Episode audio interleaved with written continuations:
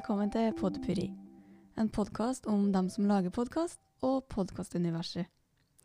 Jeg heter Elise, og jeg er frustrert. Um, jeg skal snakke litt om hvordan det går med å lage podkast. Og så tenkte jeg å gi deg noen gode grunner til at du bør høre på podkast. Så Jeg har sittet i et uh, lånt studio i to timer nå og prøvd å skjønne meg på teknikken. Uh, det står jo overalt at det er så lett å starte podkast, men uh, ja. Uh, for meg så er ikke det. Men jeg har nå fått det til nå, da. Tror jeg. jeg. Jeg tror lyden er grei, og jeg snakker i rett mikrofon, og det kobles til Mac-en fra ja det som skal kobles. Det er litt styr ennå, men uh, jeg skal finne ut det. Jeg har så lyst til å bli god på dette, så jeg skal um, Ja. Jeg skal google litt mer, men jeg, men jeg har styra litt med det, da. Uh, og så styrer jeg med hva i all verden er en RSS-feed, og hvorfor er det viktig uh, å skjønne for å nå ut på alle podkastplattformene? Uh, fordi at når du lager podkast, så, så får du liksom en link fra den hosten du bruker, og så skal du ja, lime inn den i alle andre uh, podkast-hoster, eller noe sånt. Og så skal det liksom gå automatisk at det oppdateres og sånn. Uh, men uh, det sliter jeg litt med. Jeg får meg bare på fire stykker. Ikke på alle, så Men uh, det er sikkert kjempelett. Det er bare jeg som er litt uteknisk her.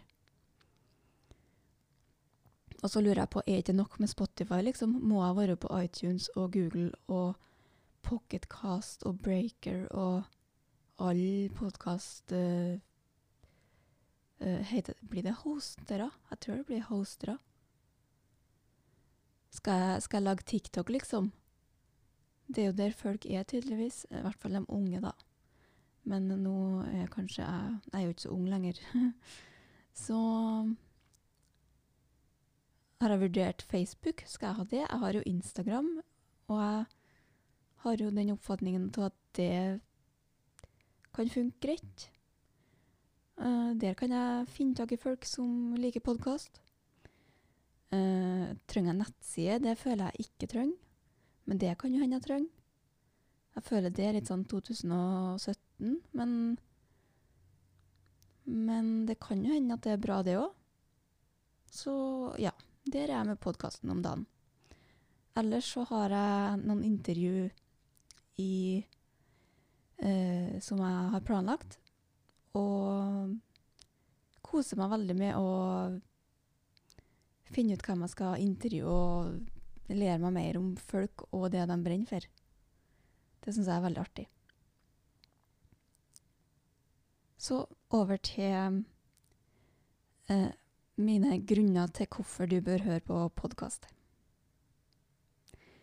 Nummer én eh, Det er helt tilfeldig rekkefølge, her, her, altså. Nummer én er kunnskap. Det finnes faktisk to millioner podkaster. Eh, det er tallet jeg finner flest ganger når jeg søker. To millioner, og det er veldig mye kunnskap ute der, da. Eh, det er veldig mye ræl, men det er veldig mye kunnskap òg. Eh, det kan være om tema som du ikke visste at det fantes en gang. Og du kan, du kan nerde så mye du bare vil.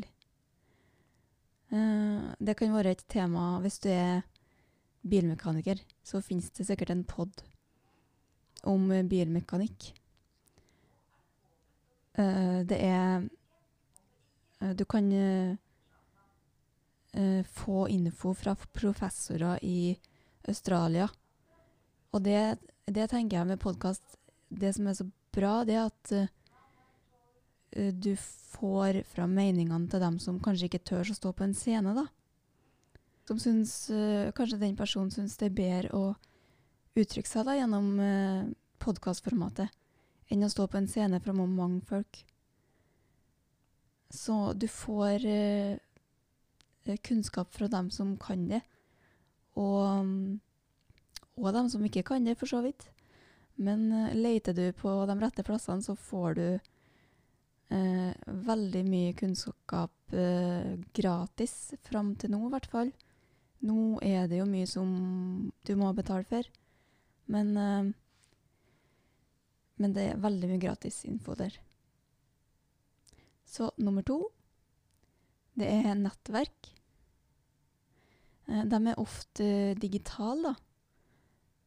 Eh, men du skal ikke kimse av memes og giffer og sånn i grupper, altså. For du kan finne et nettsamfunn som eh, er liksom din gjeng. Dere kan nerde på felles ting og få fellesskap i, i, og med at dere er interessert i samme tema, da. Um, og det er jo kjempekult at uh, folk fra hele verden kan uh, samles om det samme.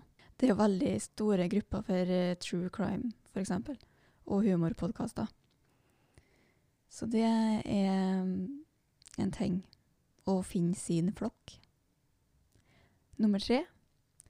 Du er ikke alene. Følelser og alvorlige tema, eh, det kan jo være veldig vondt å høre på, da.